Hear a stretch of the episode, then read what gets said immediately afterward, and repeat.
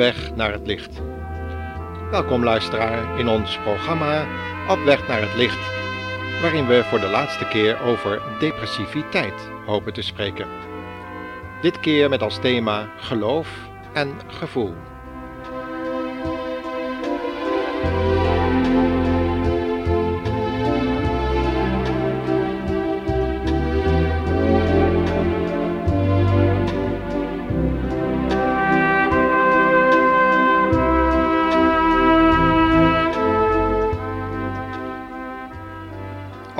Bevinden we ons we in de, een van de leslokalen van de UNA, de Universiteit voor de Nederlandse Antillen, en willen luisteren naar Henk Binnendijk, die op doorreis is van Suriname naar Bonaire en Aruba en daarbij een belangrijke schakel vormt voor de prediking van het woord van God binnen een songpraise en festival wat hier op de Antillen zal plaatsvinden.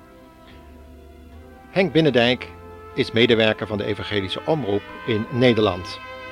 En hij heeft nu een aantal lezingen op de universiteit gehouden over depressiviteit. Nu met als thema geloof en gevoel, waarin hij ingaat op de vraag van de studenten waarom je soms met zo'n depressief gevoel s'morgens uit je bed kan stappen en waar dat dan wel vandaan komt en of je dat kunt voorkomen. Luister maar weer mee.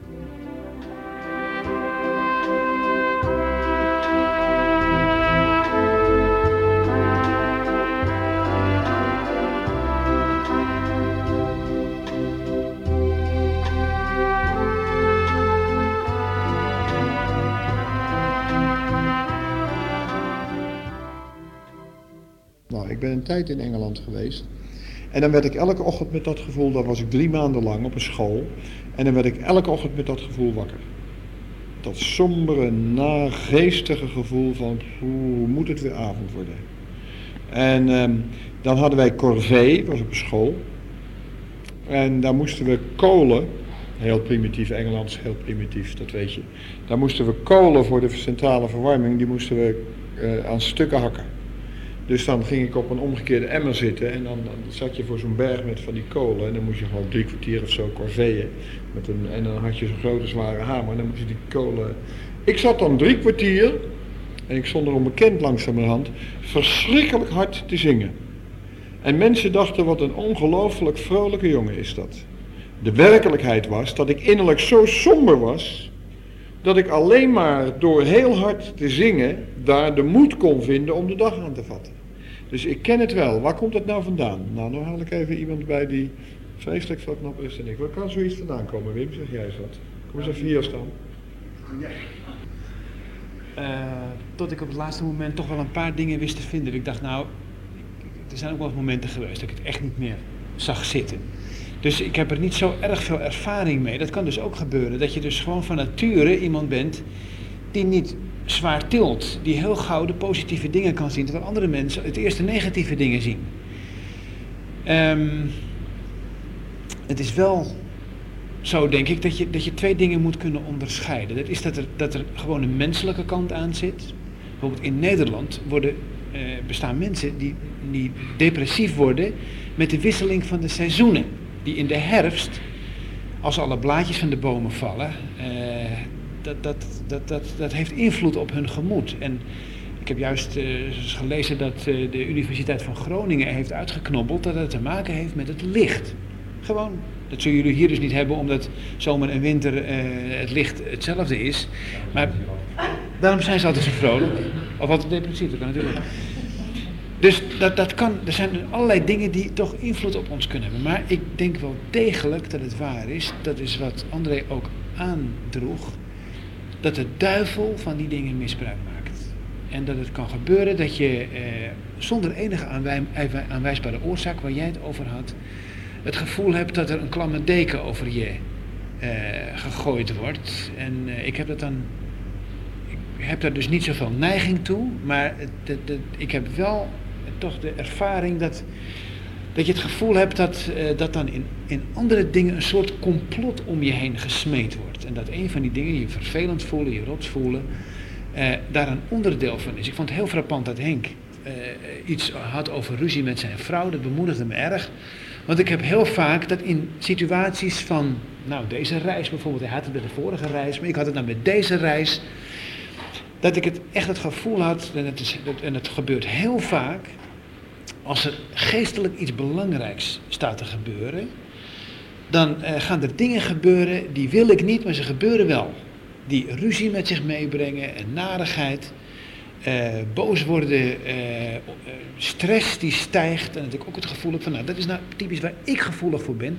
En waar ik gevoelig voor ben, daar haakt de duivel op in. Dus die, die zoekt haakjes waar, die zoekt oogjes waar hij een, haakje, een haakje in kan slaan.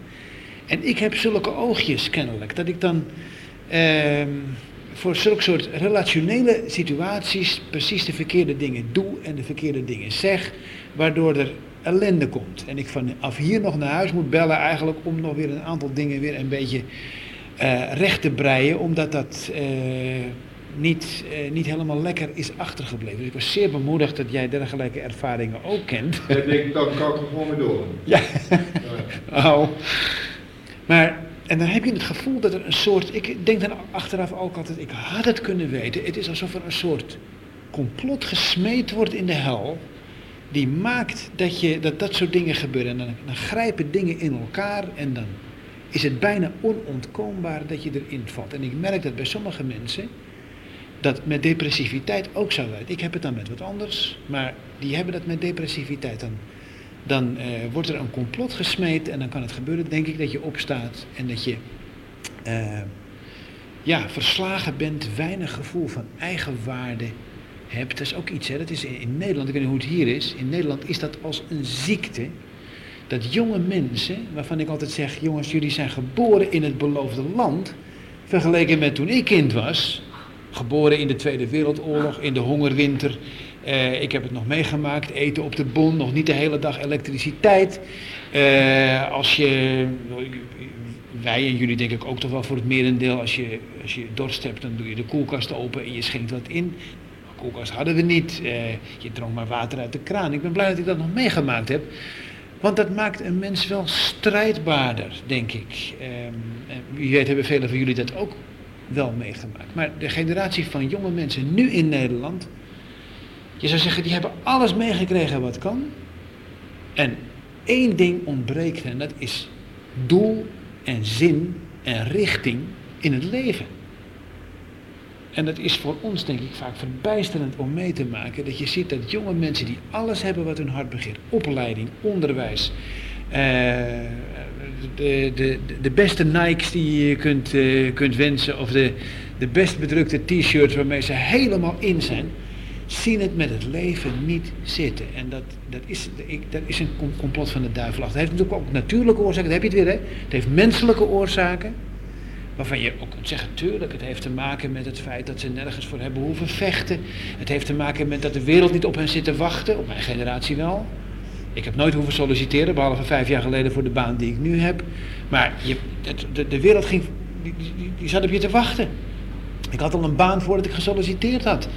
Eh, want het was hè, na de Tweede Wereldoorlog een tijd van opbouw, een positieve tijd waar we dachten, wat geweest is, komt nooit weer en we gaan nu een nieuwe wereld bouwen. Dat was de, dat was de, de, de gevoelens waarin we in die tijd opgroeiden. Vandaag de dag is het anders. Ik denk dat is een complot in de hel, heeft een menselijke oorzaak. Maar de duivel zit er ook achter. Om jonge mensen die, die eigenlijk zoveel potentieel hebben, zoveel talent hebben, door dat ontzettende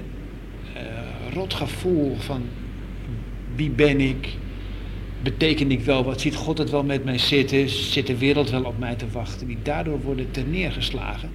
En ik denk dat, uh, dat we ons daar bewust van mogen zijn ook ons tegen te weer mogen stellen. En ik, ik, ik Henk zong hard uh, onder, het, uh, onder het steenkoolbikken. was ook in de slechte tijd. Hè? Ja, in Engeland was het sowieso wat, wat slechter. Ja, dat, dat kun je doen. Ik, er zijn ook wel eens tijden dat ik, dat ik met dat soort dingen, dat complot op tijd realiseer. En dat ik ermee af kan rekenen en zeg, stop, ik, dat wil ik niet. En, en dat je tot Heere God kunt richten en zegt, oh Heer, ik, uh, ik, wil dat, ik wil dat verbreken ook in de naam van de Heer Jezus. Want zijn naam is een sterke toren. Ik wil daarin schuilen. Uh, want, want, want, want, ik, want ik wil dit niet.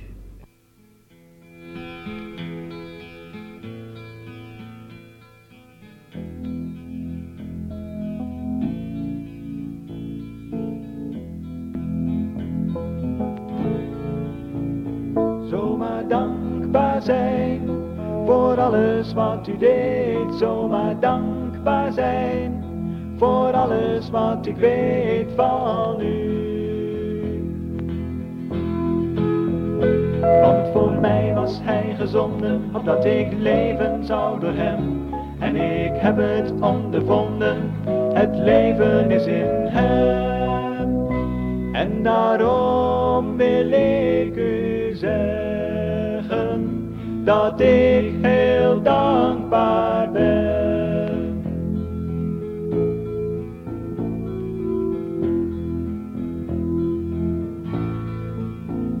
Het was niet door mezelf dat ik u leerde kennen, het was niet uit mezelf, want ik was maar aan het rennen weg van u. Maar voor mij was hij gezonden, opdat ik leven zou door hem. En ik heb het ondervonden, het leven is in hem. En daarom wil ik u zeggen dat ik heel dankbaar ben. Ik denk dat er ehm, in het christen zijn, ik heb dat straks al even gezegd, toch iets zo is, en dat wil ik best wel even goed benadrukken, als de wereld van het licht. Christen zijn betekent, die tekst die ik al genoemd heb, overgegaan uit de macht der duisternis tot in het koninkrijk van de zoon van de liefde, in de wereld van het licht. Of zoals andere tekst zegt, indien wij in het licht wandelen, zoals Jezus in het licht is, dan enzovoort. En dat vind ik een grote werkelijkheid. Dat er een wereld is waarin je met de Heer Jezus wandelen mag, een onzichtbare, onzienlijke wereld, waarin je met je hart kunt zijn. En dat in die wereld de duisternis en de duivel geen enkele invloed kunnen uitoefenen. De duivel die in de duisternis leeft, kan hier wel staan bij wijze van spreken en een grote bek tegen je hebben. Maar hij kan hier nooit komen. Hij kan nooit verder dan de grens van de wereld van de duisternis komen. Dus hij, iemand heeft wel eens gezegd, hij is als een hond aan een ketting. Hij kan nooit verder dan het eind van zijn ketting. Nou, dit mag in je leven een geweldige werkelijkheid worden als het gaat bijvoorbeeld om depressieve gevoelens. Mijn vrouw bijvoorbeeld, om iets aan te geven, maar dan wel twintig jaar geleden misschien, heeft een tijd gehad dat ze zo ineens s'nachts wakker kon worden. Heel bang, heel angstig, zat ze rechtop in bed en dan beefde ze helemaal van angst. En eh, wat wij dan leerden met elkaar was dat er voor haar een wereld van het licht was waarin ze leven kon. We hebben in Nederland bijvoorbeeld een liedje wat zegt van ehm, veilig in Jezus armen. En dit wordt in je leven werkelijkheid. Nou, jij mag nog even vasthouden, Kees. Dan lees ik even bijvoorbeeld een psalm die, uh, ontzettend, die, die ik altijd heel kostbaar vind. In psalm 91. Jullie hebben geen Bijbel bij je, zie ik. Nee, niet meer over, of wel. Ja, sla hem even mee op, dat is lekker. Psalm 91, die begint met het vers wie in de schuilplaats van de Allerhoogste is gezeten, die overnacht in de schaduw van de Almachtige. Nou, dit was de schuilplaats van de Allerhoogste. God heeft voor ons een schuilplaats in de wereld van het licht. Daar leef je. En de Bijbel zegt dan, wie in de schuilplaats van de Allerhoogste is gezeten, die overnacht in de schaduw van de Almachtige. Hier woont de Almachtige. En de duivel kan daar dus nooit van zijn leven komen. En als je je dat gaat realiseren, dat er voor jou een wereld van het licht is, dan kan je dat ontzettend helpen ook tegen die gevoelens, bijvoorbeeld van depressiviteit. Dan weet je, ik, dan weet je, ik mag door de Heer Jezus Christus in deze wereld leven.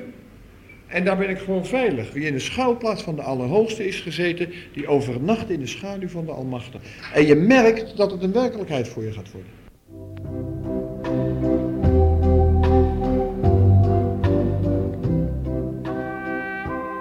En met deze woorden nemen we weer afscheid van de luisteraars.